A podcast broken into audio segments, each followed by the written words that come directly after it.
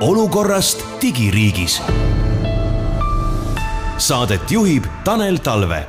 tere, hääd kuulajad! toome taas teieni kõige värskemat infot meie digiriigis toimuva kohta ja tänane teema on inspireeritud äsja avaldatud küberturvalisuse aastaraamatust vaatame pisut tagasi ja räägime sellest, mis meie küberruumis siis viimasel aastal toimus, aga vaatame ka edasi ja uurime, mis on lähiajal plaanis teha ja ette võtta, et nii eraisikute kui ka ettevõtjate ja noh, kogu meie riigi ning ühiskonna turvalisus oleks suurem tänane saatekülaline on Märt Hiietamm, Riigi Infosüsteemi Ameti analüüsi- ja ennetusosakonna juhataja, tervist! tervist! No teie aastaraamatu lühikokkuvõte vist võib olla see, et mitte midagi ilusat äh, ei ole, registreerisite mullu kolm tuhat kolmsada neliteist mõjuga küberintsidenti ja see tähendab seda, et siis kakskümmend neli protsenti rohkem kui kahe tuhande kahekümne teisel aastal. Ja rekordtasemele äh, tõusid nii poliitilise taustaga ummistusründed kui ka inimestelt ja ettevõtetelt äh, raha väljameelitamiseks mõeldud pettused. no kas ma saan nüüd äh, õigesti aru, et me oleme sisuliselt kübersõjas või? Kübersõjas ma tegelikult ikkagi ei ütleks, et me oleme, et äh, aga ütleme, oleme sellises äh, võib-olla pingelises olukorras, kus ei tohi valmisolekut alla lasta. et peab jah, valmis olema ja suhtuma siis kaine mõistusega ümbritsevasse. mis asjad need ütleme siis, kõige suuremad rünnakud on, kuidas te seda suurust üldse hindate, et milli-, on mingi skaala olemas, et see on nüüd suur ja see ei ole suur või? no me hindame tegelikult mõju järgi ja siis äh, nii siis selle järgi, et äh, mis nagu nii-öelda tulemus on sellel rünnakul, kui ka siis selle järgi, et kelle pihta see läheb, et noh, kui see läheb äh, kellegi eraisiku pihta, siis mõju on ilmselt väiksem kui siis, kui see läheb näiteks energiafirma pihta millised need kõige olulisemad õppetunnid möödunud aastast äh, on, mis, võib tuua välja mingid sellised suuremad äh, problemaatilisemad äh, rünnakud siis? No ma ütleks, et võib-olla kui vaadata nagu seda meie statistikat, mis seal raamatus on ka välja toodud, siis tegelikult üle poole kõigist mõjuga intsidentidest, mis tähendab siis seda, et seal oli mingi mõju, et midagi saavutati, keegi jäi millestki ilma või midagi läks katki või midagi lekkis olid ikkagi need äh, erinevad õngitsused ja on kahju, et noh, nendest on nii palju juba räägitud, aga ikkagi inimesed kipuvad nende õngitsuste õnge siis äh, nii-öelda jääma, et, et äh, et see, ma ütleks, on ikkagi selline nii-öelda eraisiku mõttes kindlasti väga suur murekoht, et siin noh, me, nii meie kui ka tegelikult ka politsei sel teemal ikkagi ju ennetab ja noh, siin isegi Pangaliit on teinud sel teemal kampaaniat ja, ja targalt internetis ja nii edasi, aga tundub, et siin on veel seda tööd teha, et jõuda päris nagu, nagu igaüheni jah, sellest teemast me kohe ka täpsemalt kõneleme, aga enne veel noh, ma usun, et me võime vist kahte nii-öelda väga laia, laia gruppi jagada need, need probleemid, et ühed on siis võib-olla sellise poliitilise suunitlusega meie taristule, riigi funktsioonide halvamisele suunatud rünnakud ja teised ongi need siis eraisikute ja ettevõtjate vastu suunatud rünnakud. Teie aastaraamatus on kirjas, et nende ummistusrünnete mõju ei ole noh, liiga suur olnud siiski, et äh, kas see on siis nüüd meie hea kaitse või, või pigem vastase käpardlikkuse või sellise tõsisema rünnaku huvi puuduse äh, tulemus? no vastast tingimata käpardlikuks ei taha ka nimetada, et eks nad ka õpivad ja arenevad ja peenust pe,, nii-öelda muudavad oma meetodeid peenemaks, aga jah, pigem siin on äh, Äh, valmisolek siis ja nii-öelda sobivate kaitsemeetmete rakendamine on siin taga äh, või noh, siin ees siis, et äh, mis ei lase jah, väga mõjul nagu silma paista, et selles mõttes tõesti, neid me oleme nüüd põhimõtteliselt kaks aastat saanud väga palju rohkem neid niinimetatud poliitiliselt motiveeritud ummistusrünnakuid kui varem, varasematel aastatel ja jah, väga suuri tulemusi tõesti polegi olnud, et noh, see rongipiletite kaasus eelmisest sügisest tuleb eelkõige vist meelde, et kui tõesti oli natuke aega eluga päriselt nagu, nagu häiritud. jah, ja muidugi võib-olla mõned kuulajad mäletavad ka aastat kaks tuhat seitse, et siis oli, olid asjad mõnevõrra rohkem häiritud, siis me kõik alles olime uued ja õppisime seda nii et praegu me oleme rohkem valmis ja, ja ei ole nii haavatavad, kui, kui võib-olla varem. jaa, jaa, selles mõttes võib küll öelda, et meie noh, muidugi sa ei saa öelda, et me nüüd jääme loorberitel puhkama, et kogu aeg tuleb valmis olla, need, kes veel ei tegele, ettevõtjad eh, oma eh, nii-öelda teenuste turvamisega, need peaks sellega hakkama võimalikult eh, kiiresti tegelema, sest see pauk jõuab kunagi ka täieni, kui ta seda ei tee ometi need numbrid, mida te sealsamas aastaraamatus välja olete toonud, on ikkagi täitsa hirmutavad ju, et need äh, rünnakute hulk on suurenenud ju päris kõvasti mm -hmm. igas valdkonnas, et no nad lihtsalt proovivad või, või et noh, et väga hea, et ei ole sellest tulenevalt ka kahjud nüüd, nüüd niivõrd palju suured, kui võiksid olla, aga noh, ikkagi see on hirmutav ju. no kas ta nüüd hirmutav peaks olema, aga ma arvan, et tuleb hirmuga võib-olla mitte suhtuda, aga jah, et veel kord, et valmis tuleb olla ja tuleb ka noh, üksikisiku tasandil, eks ole, nüüd ma nüüd hüppan sealt poliitilise mõjuga rünnakutest eemale, aga lihtsalt, et kõik asjad oleks korras, et sul oleks eh, kas või tarkvara uuendatud, see on väga tähtis. Et siis juba on palju turvalisem olla ma tean päris paljusid tuttavaid, kes vihkavad tarkvara uuendusi, sõna otseses mõttes, ja nad väldivad neid nagu tuld. sest reeglina, kui sa selle tarkvara uuenduse oled ära teinud, siis kõik eh, mingid eelnevalt eh, toiminud asjad enam ei toimi no, mida nendele inimestele öelda? ma arvan, et mina julgen kinnitada, et minu puhul see vähemalt nii ei ole, et ikkagi toimivad, võib-olla siis tuleb äh, jah, küsimus on võib-olla selles siis, mis tarkvara ka muidugi kasutada. aga peaks kindlasti uuendused tegema, sest kui uuendused on tegemata, siis on võimalik tungida teile sisse palju kergemini. aga sellest teemast veel, mis riiki ja, ja, ja meie taristut puudutab, no need rongipiletitest meil mm. oli nüüd korraks juttu mm, -hmm. kordame korra üle lühidalt, mis seal siis õieti juhtus ja, ja kuidas see asi korda saadi? No see juhtus siis äh, lühidalt niimoodi, et see ettevõte, äh, mis äh, pakub piletimüügiteenust Elronile, see ettevõte siis võib-olla ei olnud kõige paremini valmis tõrjuma selliseid ummistusrünnakuid ja seega põhimõtteliselt siis nende süsteem lakkas töötamast ja siis lakkas ka piletimüügi või nii-öelda piletimüük töötamast ja siis äh, tuli seal äh, natukene neid asju sättida, korda seada ja siis äh, võttis natuke aega, aga siis saadi jälle tagasi ja siis pandi ka see vastavad kaitsed peale. Vot te ütlesite väga hästi, et siis pandi ja siis tehti, eks mm -hmm. ole, et mis on see põhjus, et tihti ei olda valmis ennetavalt sellisteks asjadeks, et kas see on nüüd rahapuudus, kes, kes pärast tegi asjad korda, et kas see tehti siis nii-öelda tasuta riigi poolt, teie tegite korda või noh, ma kujutan ette, et on eraettevõte, eks ole, kellest me räägime? meie ei teinud ikkagi nagu noh, meie saame ajutiselt pakkuda küll abi, aga nad, me saame seda nagu piiratult pakkuda, siis nad peavad ise ikkagi ennast nagu käsile võtma ja siis mingi teenuse eest maksma. et see jah, ma arvan, et äh, see suhtumine võib-olla ikkagi mõnes mõttes võib veel see olla, et noh, see küber on mingi asi, mis tegelikult mind ei puuduta, minuni see ei jõua, me tegime tegelikult kakskümmend kaks sügisel, äh, tellisime ühe uuringu ka, kus ettevõtjatega räägiti, küll väiksemate ettevõtjatega, siis oli ka, et noh, see nagu tajutakse, et on mingi noh, mingi küber, aga et seda ei peeta ikkagi äririskiks, et ei arvata, et selle tõttu võib kahju saada, rahalist kahju, andmekahju, mainekahju, et äh, nagu ei ole need asjad veel võib-olla sinnamaani jõudnud, et tihti jah, et kahjuks see alles siis hakatakse liigutama, kui midagi nagu juhtub. et me tegelikult tahaks, et neist asjadest räägitaks nagu rohkem, et nüüd siin mõned ettevõtted on ka tänuväärselt seda teinud, aga et kui keegi on saanud näiteks mingi lunavararünnakuga pihta, siis kunagi võiks see võib-olla selline klipp olla ka näiteks Pealtnägijas, et kogu Eesti vaataks ja näeks ja suhtuks nagu tõsisemalt sellesse asja. aga kas me täna saame ka mõned näited tuua äkki äh, sellistest rünnakutest, mis äh, võiksid olla õpetlikud ja, ja mida siis teised äh, kuulates äh, noh, hakkaksid ka pisut rohkem võib-olla hoolima sellest teemast? no siin oli see terviseandmete või leke siis sellest geeniettevõttest oli äh, eelmise aasta lõpus, et see tegelikult on päris õpetlik, et kui ikkagi kümne tuhande inimese andmed lähevad rändama, siis tegelikult see on nagu ikkagi tõsine küsimus, on delikaatsed andmed ja see pole mitte ainult siis küber nii-öelda intsident, vaid on ka tegelikult andmekaitseline intsident ja ka siis nii-öelda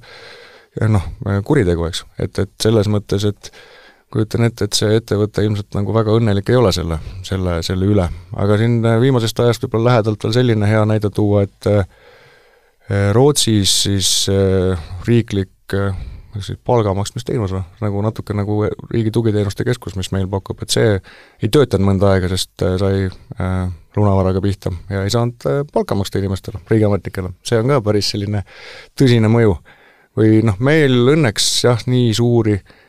asju pole veel juhtunud, nagu võib-olla laiast maailmast võib tuua, aga kas või siin mõni aasta tagasi oli nii, et Coopi poed Rootsis ei töötanud mingi mõni päev, et äh, seal oli ka lunavara. Äh,, USA-s äh, oli terve tanklakett, mis ei andnud bensiini. Ja noh, niisugused asjad juhtuvad, et sellised sellised elu mõjutavad sündmused ja noh, neid tegelikult saab väga lihtsasti ikkagi vältida, et kui sul on see küberhügieen korras ja uuendused tehtud ja on mingi infoturbeteenus, et siis on juba palju parem ja turvalisem. Aga kas see, et äh, seda küberturvalisuse teenust noh, ma ei tea, ei ole siis ostetud, eks ole, endale sisse, et kas see on pigem sellise suhtumise küsimus või on see tõesti ka raha küsimus siis, et no lihtsalt ei ole ettevõtjal noh, sellist, sellist raha või ta, või ta ikkagi ei, ei pea seda veel liiga tõenäoliseks, et temaga midagi juhtub no,, no see on nagu ma ei tea, tulekahju ka, eks ole, no minul ikka ei juhtu. no see jah, et, et eks praegu ka ju noh, majanduslikult ka viimasel ajal ei ole väga kerged ajad olnud, et siin oli mingi hetk oli, eks ole, elekter ja küte kallis ja siis eh, nüüd on majanduslangus ja samas on inflatsioon ja kõik kallineb, et siis jah, et ega see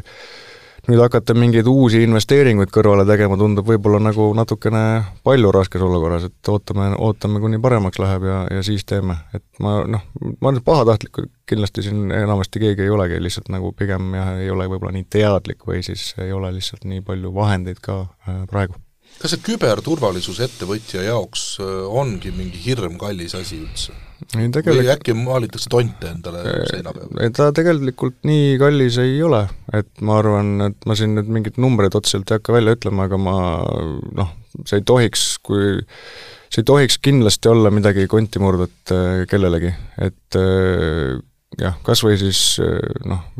meil on ettevõtted, kes pakuvad seda teenust ka, et nemad, nendega saab, neil saab kindlasti mingisuguse mõistliku hinnaga sellise, sellise paketi nagu endale osta ja siis võib kohe palju turvalisemalt ennast tunda. kas selles maailmas on ka mingid sellised noh, ma ei tea, sertifikaadid või asjad, et noh, vaata kui ma olen ettevõtja, et siis ma tean, et ma ostan usaldusväärselt ettevõtjalt seda teenust ka, et keda võib tõesti ka usaldada, muidu ma võin samasuguse päti käest endale veel asja osta? no sellist sertifikaati otseselt meil ei ole niimoodi, aga mis meil on, on tegelikult selline asi nagu äh, Eesti infoturbe standard, mis on nüüd paar aastat äh, kehtinud, enne oli, teise nimega oli äh, standard,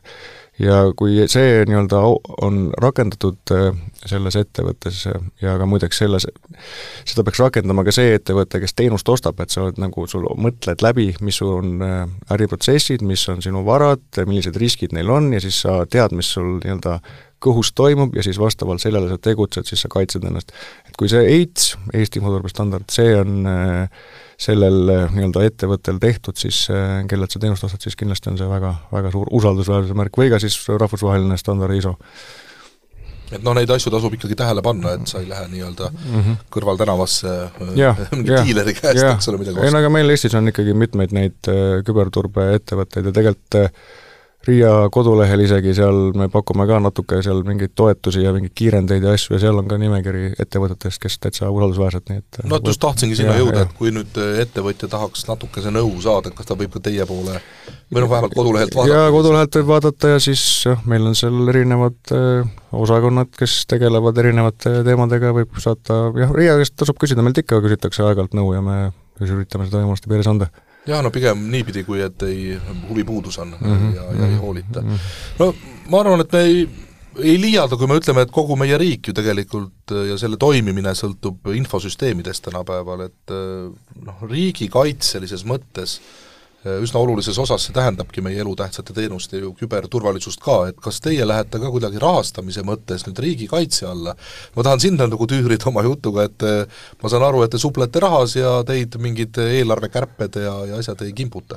meie otseselt ikka sinna kahe protsendi või noh, kolme protsendi sisse ei, ei lähe. et äh, nüüd ka ikkagi, kui mingi kärpeharjutus tuleb, siis tegelikult Riigi Infosüsteemi Ameti poole ikkagi ka vaadatakse aga tõsi see on, et küber meie hinnangul äh, kindlasti on äh, riigikaitse oluline osa või komponent ja tegelikult tõesti see ju tagab äh, kogu selle ja aitab tagada siis kogu meie Eesti inimeste harjunud eluviisi nii-öelda turvalisust ja toimimist, et kogu see digiriik, millega kõik on nii harjunud, et see püsib mu sellele, et nii-öelda küberturve on siis olemas, et see on nagu tagatud ja siis on meil siin mugav harjumuspäraselt elada ja teha maksu äh, või seal deklaratsiooni kahe minutiga ja nii edasi, on ju. et, et see tegelikult noh, me, see on nii sügavalt see inimestesse juba see sisse juurdunud, see meie eluviis ja tegelikult see nii-öelda see küber, äh, see ongi väga suur komponent sellest, mis seda aitab kaitsta. lisaks siis politseile, kes äh, tagab korra ja Kaitseväele, kes tagab riigikaitse ja nii edasi. jah, noh, kui me võtame nii sellise utreeritud näite võib-olla, eks ole, selleks, et meie elektrivarustus ära katkestada, ei pea füüsilises mõttes ju pommi või raketti saatma elektrijaama, vaid selle saab noh, hea tahtmise korral ka ka nii-öelda digitaalselt maha võtta, kui ei ole piisavalt tähelepanu pööratud ja. riiklikul tasemel, ma loodan, et meil noh, sellised elutähtsad teenused on, ma ei tea, mitu, mitme müüriga kaitstud. ja no ikka need, need on pigem hästi kaitstud ikkagi, et reeglina ütleks, et suuremad ettevõtted, noh, neil on rohkem vahendeid, rohkem teadmist ja nad tegelevad nende asjadega rohkem. ja me ka tegelikult nendega tegeleme spetsiaalselt, et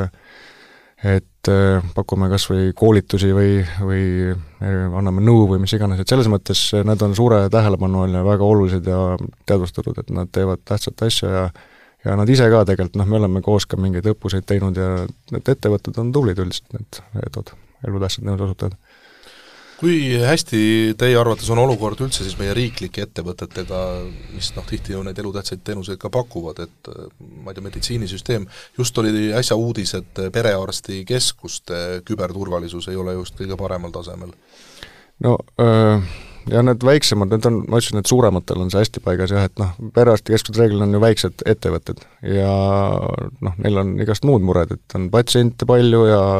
ma ei tea, arste ei tule peale ja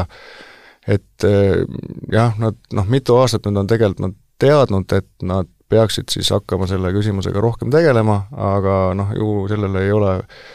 nii palju tähelepanu saadud muude murede kõrvalt nagu, nagu nii-öelda pöörata, aga me üritame siin aidata nii jah, ikkagi nõuga, et nõustame ja ja noh, vajadusel koolitame, mis iganes, et me proovime nagu äh, nii-öelda aidata seda asja äh, nii-öelda järgmisele tasemele viia, aga ma saan aru jah, et see on nagu raske ja, ja kõigi muude murede kõrval võib-olla see, äh, kui nüüd äh, meie see järelevalve tuleb ja küsib, et kuidas teil asjad on, et see võib-olla natuke ajab närvi küll. No ma kujutan ette jah, ja eks see teema on ikkagi ka selline, et kui otseselt põlve ei valuta, eks ole, või mingi muu koht, et või noh, pole haava tekkinud, et siis noh, on ikkagi jah, no et ega minuga ei juhtu ja või ehk ei juhtu ka ja jah, aga seal on tegelikult noh, riskid on ikkagi selgelt olemas, et siin see oli ka ju avalikkuse ees oli see juhtum, see oli küll tarkvaraviga, mitte küberrünnakuga, kus seal valed nii-öelda siis inimeste need andmed läksid segamini, et ühtede patsientide nii-öelda mingid diagnoosid sattusid teiste sinna haiguslukku, et sellised asjad, kui juhtuvad, nad võivad väga tõsised tagajärjed olla, keegi võib surma saada. tegelikult see tuleb tagada, et sul see, need infosüsteemid on korras ja, ja kaitstud, jah. no absoluutselt, millised need ütleme siis riiklikud prioriteedid täna on, kui teie vaates äh, rääkida, mis teil sellised kõige tähtsamad teemad on, mis, mis tähelepanu nüüd ütleme siis kaks tuhat kakskümmend neli äh, nõuavad? no ikkagi ma arvan, et ma jätkaksin siis samas, et jah, me tahaksime nii-öelda nende samade perearstidega nagu edasi liikuda, neid, neid nõustada, siis kõik need ikkagi need eh, elutähtsad teenuse osutajad, nendega tegeleda ja tegelikult tegelikult noh, me ütleme niimoodi, me tahame ikkagi iga inimeseni jõuda, et me nüüd jälle korraldame mingisugused need teavituskampaaniad ka sel aastal, et et kuidas turvaliselt nagu olla, et aeg-ajalt siis sügiseti või suveti tänavad täituvad nende reklaamidega, aga tegelikult see pole nagu noh, nii-öelda see pole nagu ainult küber, aga väga tähtis väljakutse sel aastal, mis tegelikult on peaaegu igal aastal, on valimised, sel aastal on Euroopa Parlamendi valimised ja ja siin noh, RIA muidugi vastutab ka küberturvalisuse eest, aga tegelikult riigi valimisteenistus äh, on äh, nii-öelda, tellib kogu seda valimiste äh, korraldust, infosüsteemi ja kõike seda ka RIA käest. et tegelikult see on ka meil nagu väga suur selline fookus ja, ja väljakutse, et selle osas juba ettevalmistused ammu käivad, et see jälle edukalt läbi viia. see on sel aastal siis juuni esimesel nädalal need Euroopa Parlamendi valimised. nii on, ma korra põikangi selle valimiste teemaga edasi, et see, et nüüd meil nii-öelda M-riik mm, -hmm. see, mis mobiilis on, kaasa arvatud ka valimisvõimalus mobiilis või hääletamisvõimalus mobiilis, no seda ikka veel ei ole, kas see on sellega seotud, et äh, ei saada piisavalt turvaliseks siis seda ikkagi või, või milles asi? Äh, no see nüüd otseselt ei ole minu vastutada teema, aga nagu mina aru saan, siis õigusruum ei ole veel jõudnud sinna. et tegelikult see turvalisus oleks nagu olemas täitsa, aga lihtsalt äh, tänane õigusruum ei võimalda mobiiliga hääletada. okei okay,, et siis ei ole mitte nii-öelda tehnoloogia või isegi turvalisuse taga, vaid pigem seadusandluse just, et ma tahaks uskuda, et järgmised valimised, mis siis on vist kohalikud, et nendel äkki saab juba jah. Jah, ma juhtusin kaks tuhat viisteist olema kolmeteistkümnendas koosseisus Riigikogus ja siis juba räägiti, et kohe järgmised valimised on meil mobiilis, aga mm. ütleme, et on pisut aega võtnud. on võtnud jah, aga ma olen kindel, et see ka tuleb, nagu ka see äh, M-riigi äpp tuleb kunagi ja siis hakkab elu veel mugavamaks muutub ja siis on seda veel tähtsam, kui turval-, turvalisena hoida jaa, loodame, et need asjad kõik äh, kiiremas tempos siis ka juhtuvad, sest et noh, inimesed on ju ammu juba seal mobiilses äh, maailmas ikkagi, et eks need äh, kõikvõimalikud riiklikud teenused järgi peavad tulema, aga loomulikult mitte ei tule siis maksta lõivu turvalisuse mm -hmm osas, aga sellest turvalisusest rääkides, meie Välisluureamet hoiatas äsja oma aasta ülevaates, et me oleme riigina juba äh, väga tõsises sõltuvuses Hiina päritolu tehnoloogiast ja, ja seadmetest, kas seda ka saab paari sõnaga äkki kommenteerida, on see siis nüüd tõesti nii suur oht äh, ja kas piltlikult öeldes need robot-tolmuimejad tuleb aeda maha matta nüüd inimestel? no meie lähenemine on selline, et äh, robot-tolmuimejad ei tule äh, maha matta aeda, mul endal on ka täitsa olemas robot-tolmuimeja. Hiina päritolu? Hiina päritolu täiesti ja võib rääkida ka hiina keeles, aga ka saksa, inglise, prantsuse keeles, et äh, valida mehe või naise hääle ja keele, see on väga mugav. et sõltub, milline riik parasjagu tahab meid mõjutada. jah, jah, aga ühesõnaga, selles mõttes, et ei, et kui sa noh, Hiina tolmuimeja, isegi kui ta ühendub selle Hiina tootjaga kuidagi üle interneti, siis kui see on eraisiku kodus, noh, ma ei, me ei näe, et sealt midagi väga hullu võiks tegelikult nagu juhtuda peale selle, et noh, et hiinlased teavad kõigi Eesti inimeste korteri pindala, aga noh, see see võib-olla siiski ei ole selline teave, millega väga palju nagu teha on. Äh, aga noh, ühesõnaga me nagu iga, meie jaoks siis äh, iga see asutus või ettevõte, kellel on mingi teenus, kus ta siis peab võib-olla mingit Hiina riistvara või tarkvara kasutama, siis ta hindaks jällegi neid riske ja selle põhjal otsustaks, et kas äh, siis on mõistlik seda kasutada või mitte, et meie nagu keskselt seda kuidagi ei keela, et meie just ütleme, et tuleb hinnata oma riske, ja, ja nii on, et noh, kui sul on mingisugune udupeen Hiina seade, aga see isegi ei ole internetti ühendatud, siis ega hiinlased sellele ligi ei saa, sind kuidagi mõjutada ei saa ja lihtsalt siis noh, siis asjad nagu, nagu toimuvad. Jah, no sellist ulmefilmi olukorda vist noh, liiga lihtsalt ei, ei ole võimalik, et tekib, aga samas vaadates, mis ümberringi toimub, ega siis noh, ütleks nii, et ulmefilm käib selliste stsenaariumite järgi siin päriselus, mida tuntumad äh, stsenaristid pole suutnud välja mõelda. jah, jah, aga noh, samas, et kui on mingisugune asutusel mingid tundlikumate teemade arutamiseks koosolekuruum, siis seal võib-olla ei ole hea Hiina asju nii väga hoida, et noh, see ongi see riskide nii-öelda, äh, riskide hindamine. Aga, aga need riskid on siis hinnatud ka ütleme, suuremates ettevõtetes, kes täna ju kasutavad ikkagi seda Hiina tehnoloogiat, eks ole. No., noh siin on ka palju räägitud nüüd päi-, päikeseparkidest, inverteritest ja nii edasi, noh ma ei kujuta ka ette, et mida see hiinlane selle infoga nüüd teeb, et mul väiketootjana on see Hiina inverter, eks ole, seal, aga äkki ta saab noh, niimoodi vanasti oli rubilniku teistpidi tõmmata terves Eestis, et kõik väiketootjad, kes nende inverterit kasutavad, on järsku tummad. põhimõtteliselt ilmselt saaks jah, aga siis on jällegi see küsimus, et kas nad nagu noh, tahavad seda tingimata teha, et noh, et ikkagi see on ka äri ja kui sa rubilniku välja tõmbad, siis ilmselt see ärile väga hästi siiski ei, ei mõju et ja ühegi Hiina toiteärile, et noh, ütleme, tuleb jah vaadata, et kas, kas ja kuidas on asjad äh, korraldatud. Ja seega, et nagu sul mingit konkureerivat toodet ei olegi, noh siis tuleb, tuleb seda Hiina toodet jah, kasutada. Jah, noh reeglina Hiina on suutnud oma hindu lihtsalt nii palju all hoida, noh räägitakse, et ka väga suures osas riiklike dotatsioonide najal. Mm., et nii-öelda dumpinguga siis minnagi ja vallutada, vallutada riigid ära. aga noh, jääme siis paremat lootma, ma arvan, et see on lihtsalt oluline teema, mida ka silmas pidada ja, ja kunagi sa ei tea, mis plaanid ja. võivad olla ja kellestki väga suurde sõltuvusse jäämine ükskõik mis elualal ei ole ju hea. jah, ei no kui Eesti riik ikkagi mingis nii-öelda tundlikum asutus hangib mingit riistvara, tarkvara endale, siis ikkagi üritavad nagu vältida jah, selliste asjade hankimist olgu, üks asi on siis need poliitiliselt motiveeritud äh, rünnakud meie vastu, aga noh, tegelikult on teine vähemalt sama suur mure ju nii-öelda tavalisemate pättidega. Äh, nii eraisikuid kui ka ettevõtteid puudutanud pettuste arv selles aastaraamatus on teil kirjas, kasvas aastaga lausa kaks ja pool korda mm. -hmm politsei andmetel peteti Eestis inimestelt äh, aastaga, see on siis nüüd eelmise aastaga, eks ole, välja üle kaheksa miljoni euro. mis toimub? No nagu ma alguses ütlesin, et paraku jah, langetakse ikka nagu õnge, et ma arvan, et iga inimene Eestis ilmselt on saanud mõne sõnumi või sellise meili, on ju, kus küsitakse millegi sisestamist, ja siis jah, ei tea, kas siis ilmselt tähelepanelikkus võib olla antud hetkel, õigel hetkel pole õiges kohas ja võib-olla ootadki parasjagu postipakki, kui tuleb ähm, DHL-i poolt, eks ole, mingisugune sõnum, et äh, noh, me üritame sellest võimalikult palju rääkida, nagu ma ütlesin, ka politsei tegelikult nagu tegeleb sellega ja, ja teised, et, et lihtsalt tuleb ilmselt sellest nagu veel rohkem rääkida ja jõuda veel rohkemate inimesteni, et nad ei klikkaks ja nooremad kuulajad peaksid oma vanavanemaid sel teemal harima ja, ja nii edasi et äh, jah, me kindlasti üritame ise ka oma teravikku jälle ennetuses selles suunas suunata, kuna see kahe poole kordne tõus on, on päris, päris kõva. sel aastal me näiteks korraldame äh, mitmed sellised küberitöötoad äh, eakatamale, eakamatele inimestele üle riigi ja kindlasti see teema tuleb seal ka väga, väga tugevalt, tugevalt sisse, et olla tähelepanelik ja mitte langeda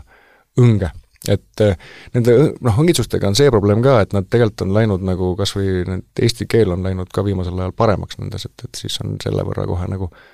nagu natuke võib-olla hõlpsam inimesi õnge võtta, eriti kui jah, tähelepanu võib-olla on äh, muude asjade peale kulunud ja siis parasjagu lihtsalt ei mõtle nii väga, et kas ma ikka ootan seda pakki või või et kas ikka on mõistlik, et pank ütleb, et sa pead oma konto uuesti kinnitama või mis iganes, et selliseid asju nagu ei ole ja pank ei helista sulle kunagi ja ei ja ei palu sul oma PIN ühte PIN kahte kuskile sisestada, see niimoodi sellist ei käi. või politseinik seda ei tee, et ikkagi noh, tasub kaine mõistusega võtta, kui selline situatsioon tekib. kas te olete analüüsinud seal ka või vaadanud seda statistikat, et kus see põhiprobleem on, no üks asi on see, et mulle tuleb mingi e-kiri või, või mingi elektrooniline asi ja siis ma ei tea, ma tähelepanematusest klikin sinna, Äh, ja noh, siis midagi, pahad asjad juhtuvad, aga no ma ümberringi kuulen, et on palju kuidagi nagu labasemad, et lihtsalt inimesele helistatakse umbes lihtsustatult öeldes, kuule, kanna mulle viis tonni, noh. ja, ja siis see eakam võib-olla inimene, aga mitte ka ainult eakad, et me ei, ma ei tahaks üldse neid stigmatiseerida. siin on ka palju nooremad inimesed äh, läinud selliste imelike asjade õnge, et kas mis, mis värk see on, kas see on mingi hüpnoos või? see kahjuks seda ma, hüpnoosiks ma ei, ma ei tea, ma ei oska seda niimoodi kommenteerida, et miks need inimesed äh, klikivad ja õnge lähevad, ma arvan, et võib-olla tõesti lihtsalt vähene tähelepanda, panelikkus, et äh, et võib-olla jah, ei ole võib-olla võib-olla mõni, mõnel inimesel lihtsalt mingi hetk on äh, pea nii väsinud, et ei suuda kainelt mõelda et noh, ja võib-olla ikkagi ka tõesti niisugune ma ei tea, kas muidugi saab öelda enam vähene teadlikkus, kuna sellest kogu aeg räägitakse, aga, aga just see, et, et et ma arvan, et siin on need asjad nagu koos, erinevad sellised, sellised faktorid, et meie jah, seda paraku seda käitumuslikku poolt ei ole analüüsinud niimoodi. kas need imelikud vene keeles kõnelevad politseinikud, nii-öelda politseinikud, on need vähenenud nüüd kuidagi või siin, ma mäletan, et eelmine aasta oli seal päris kena laine käis jälle, et isegi saanud mitu kõnet ma ei tea, kust nad mu numbri siis said, eks ole, aga et äh, hakkavad vene keeles äh, politseinikuna tutvustama ennast, noh, ma saan ju aru inimesena, et see on juba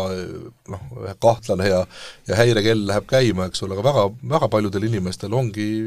mindud noh, ka kaheksa miljonit eurot on ja. ju välja petetud päeva lõpuks. no ma kujutan ette, et kui sa oled vene keelt kõnelev, emakeelena kõnelev eestimaalane ja võib-olla veel niisugune eakam, et siis äh, ilmselt ei tekigi küsimust, et politseinik sulle vene keeles tegelikult helistab või pank, et, et ilmselt see on see ründevektor neil, mille põhjal, mil, mille kaudu võib olla natuke kergem neid, neid asju siis äh, välja petta. et see küsimus ilmselt jah, ei tekigi mõnel inimesel, kui nüüd selle, sellise, sellise kõne on nagu, sellisest kõnest rääkida, paraku nii et ikkagi jätkuvalt need kõned tulevad, neid tuleb on ikka, aina jah. rohkem? Ma ei tea, kas nüüd aina rohkem on, aga neid ikka on jah, et need aeg-ajalt neid tuleb, siis need natuke vähem, siis tuleb nagu jälle, et eks need pettused käivad ainult tõenäoliselt. me oleme siin oma eelnevates saadetes ja üldse meie meediaruumis on väga palju sellise toreda sõna lühendiga pistmist olnud nagu AI mm. -hmm kuidas nüüd see ai teie töövaldkonda muudab või puudutab, on see juba muutnud, mis, mis, mis mõju see avaldab teile? no see seni veel nii palju mõju meil ei ole avaldanud, aga ta kindlasti hakkab aina rohkem, et kas või need pätid või kriminaalid, et nemad kindlasti saavad selle abil hakata hõlpsamini äh, ründama äh, pettusi genereerida ja nii edasi, et see kindlasti aitab neid nagu, nagu väga, see ai areng. ja samas muidugi meie saame ka oma tööd mõnevõrra automatiseerida, et kas või kas või mingid sisemised protsessid selle abil teha kiiremaks ja, ja paremaks. et tegelikult see nagu aitab nagu mõlemat poolt, jah, et aga see on niisugune suur suur tükk ja suur areng ja, ja siin on jah, veel ilmselt palju huvitavat ees nende aastate vältel. aga ütleme nii, et millised sellised suuremad siis soovitused inimestele on, no mina, see ai-indus on, noh, kui seda nii võib öelda, minu jaoks on ta päris ohtlik asi siiski, et noh, ega ta tähendab seda, kui ma siiamaani käin nii-öelda guugeldan, eks ole, ma saan mingi hunniku vastuseid, mingeid linke, ma saan kriitiliselt mõelda, otsustada, et noh, see on selline kahtlane asi, et see info ei tasu liiga tõsiselt võtta, eks ole, aga kui see ai mulle pritsib muudkui sealt äh, minu küsimustele vastuseid, ma ei näe, kust ta võtnud on need andmed, et kas seal ei ole mingit ohtu, et, et see äh, nii-öelda pettuse kõne juba on nagu väga lihtne juba tulema sealt, et no kui just kasutada nüüd mingit sellist ai platvormi, mis on võimalik endale, eks ole, võtta, et siis ma pigem sealt kaudu seda pettust niimoodi ei usuks praegu, aga, aga sealt võib noh, ikkagi jah, kuna ta analüüsib ju seda nii-öelda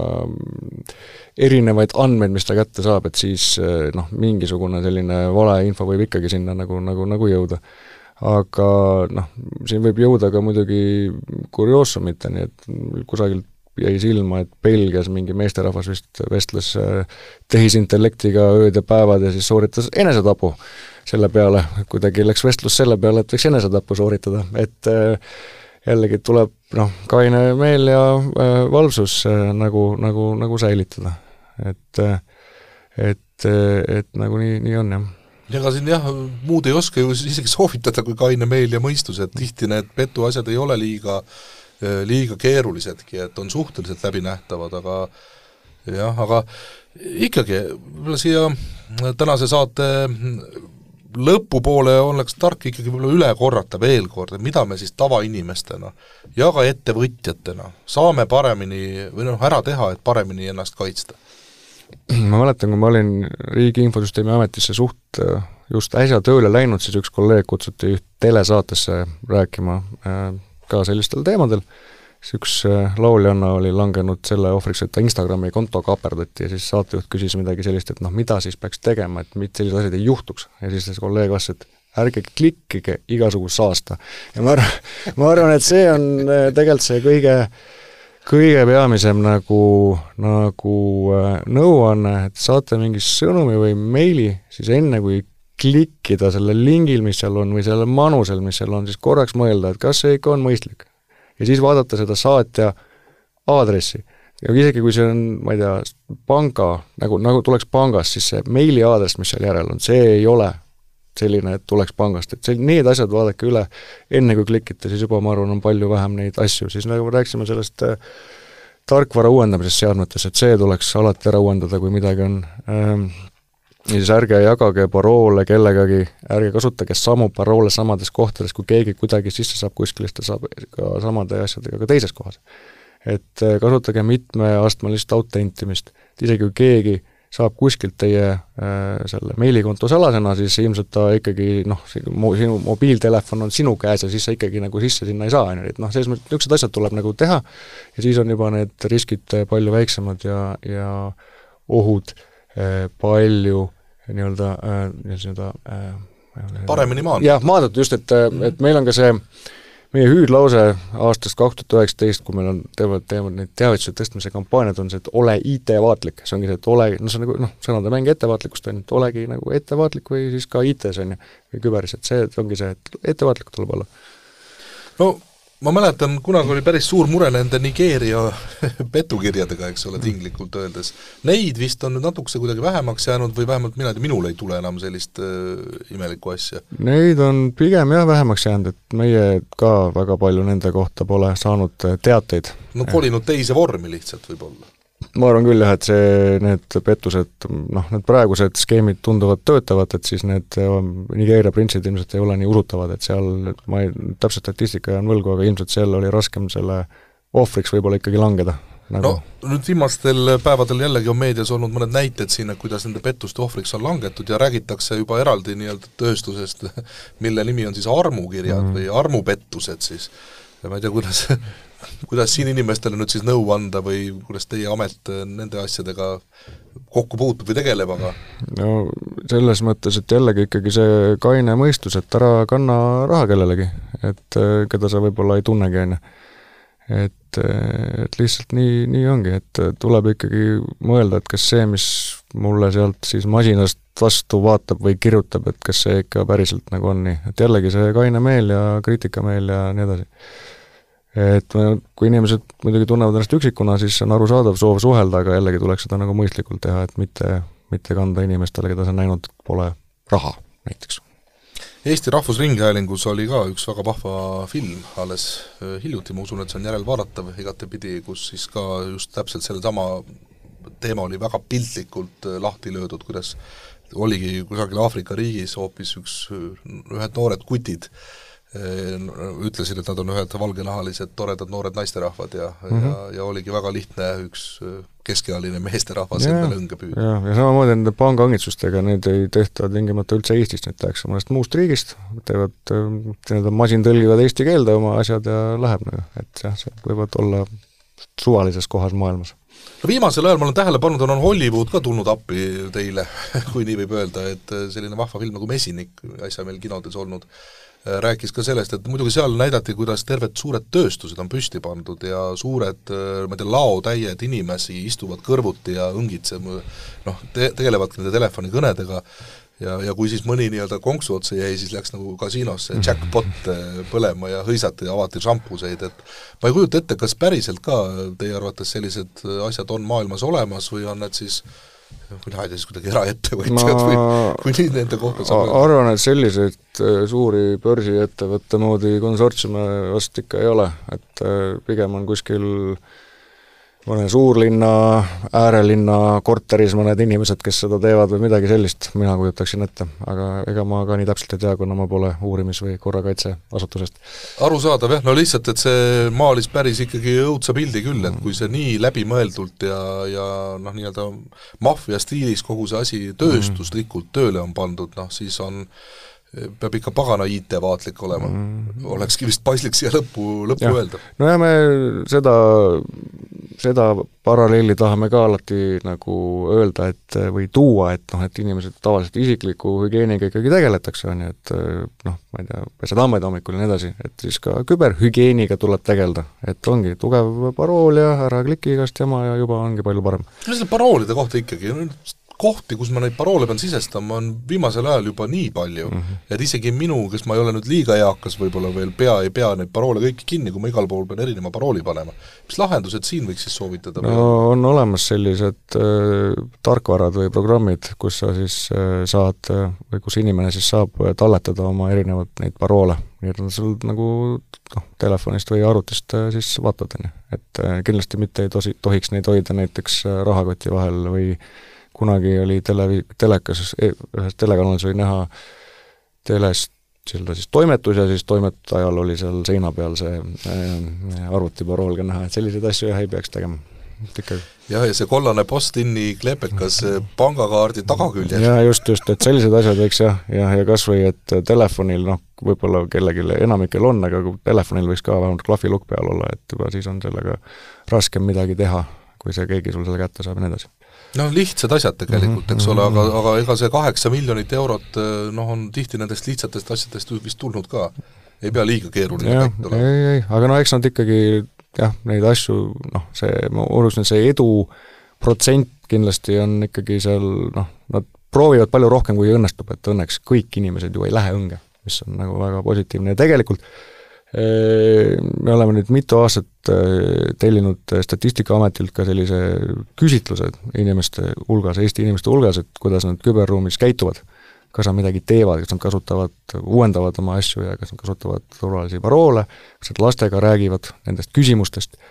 ja tegelikult kaks tuhat, kaks tuhat üheksateist oleme seda statistikat saanud ja tegelikult summa summarum need on läinud, need näitajad natuke paremaks nagu iga aastaga. et äh, noh, on selline küsimus ka või noh, me saame sellise tulemuse, et kui mitu protsenti küsitletutest ei tee mitte midagi nendest asjadest, mis peaks tegema. ja see kaks tuhat üheksateist oli vist mingi viisteist protsenti ja nüüd eelmine aasta oli langenud kuskil sinna kaheksa protsendi peale, et tegelikult nagu on läinud, ma ütleks tegelikult see pilt ikkagi nagu nagu natukene paremaks nagu kogu aeg, et selles mõttes ma usun, et, et ega see noh, Eesti eh, ühiskond ka areneb ja küpseb ja, ja võib-olla see, kui me seda nii-öelda protsenti saame iga aasta natuke paremaks, siis varsti need pettused äkki noh, nii-öelda vähe, nende nii-öelda see nähtavus ja edukus eh, väheneb kas koolides eh, kohustuslikus korras küberhügieenitund või ma ei tea, mingi selline õppeaine võiks olla? Või no, on äkki või paljude koolides ja ütleme, õpilastega tegelete üldse? Äh, meie tegeleme nendega niimoodi ad hoc, ütleme nii, et meil seda ressurssi väga palju pole, aga kui kutsutakse kuskile rääkima, siis me ikkagi üritame minna, kui vähegi võimalik on, et keegi siis saab minna. et äh, meil just äh, noh, just siin üks kolleeg käis Prantsuse lütseumis näiteks lastele rääkimas, on ju, et äh, ei ole minu teada õppekavas selliseid asju, mul omal on kaks väikest last teises klassis ja ja noh, see on Haridus- ja Teadusministeeriumi pärusmaa muidugi, et ma saan aru, et õppekavad on pingelised, on ju, ja ega seal vist seda ruumi nagu väga ei ole. aga noh, meie oleme küll rääkinud juba siin mõne aasta, et tegelikult võiks seda koolis õpetada mingil määral, kas või iga aasta paar korda või mis iganes, et see võiks tegelikult olla küll jah, selle selle õppekava kohustuslik osa, sest niimoodi ju ka tulevad meil targad inimesed välja, kes oskavad IT-vaatlikud olla ja, ja siis on ka jälle, ma arvan, pättidel elu kohe palju raskem absoluutselt ja arvestades sellega, et nendest inimestest võivad sirguda meie elutähtsate teenuste äh, asutuste juhid ja, ja vastava valdkonna inimesed, nii et äh, mida targemad juba maast, maast varakult saate olla, seda parem vist on. just, absoluutselt nõus sellega hästi, jääme siis lootma, et meie haridussüsteemi ka äh, võib-olla veidi rohkem jõuaks selliseid äh, teemasid, äh, jõudu teile siis mööda Eestit ringi käia ka ikkagi nii palju, kui vähegi saate, sest et ega seda IT-vaatlikkust ei ole kunagi ülearu palju, uued asjad tulevad peale, ma väga loodan, et te saate nendega sammu pidada. kas te saate sammu pidada, olete, tunnete ennast kindlalt? No kindlasti on palju veel vaja teha selleks, et me tunneksime ennast kindlalt, aga me tunneme ennast, ma ütleks, oluliselt kindlamalt kui võib-olla siin paar-kolm aastat tagasi. sest paradoksaalsel kombel või mitte paradoksaalsel kombel, aga noh, siis kui Venemaa Ukrainale kallale tungis, siis selle võrra siis meile eraldati vahendeid mitmeteks asjadeks, mida me olime aastaid äh, taodelnud äh, nii-öelda eduta ja selles mõttes läks meil nagu paremaks nojah, eks ta natukese ju kahju ole, et me pigem ikkagi tegeleme tagajärgedega, et siis mm -hmm. kui midagi juhtub, eks ole, siis hakkame noh, tegutsema mm, -hmm. noh, võib-olla ennetamine on siiski odavam ka mõni, nii mõnigi kord, kui, kui tagajärgedega tegelemine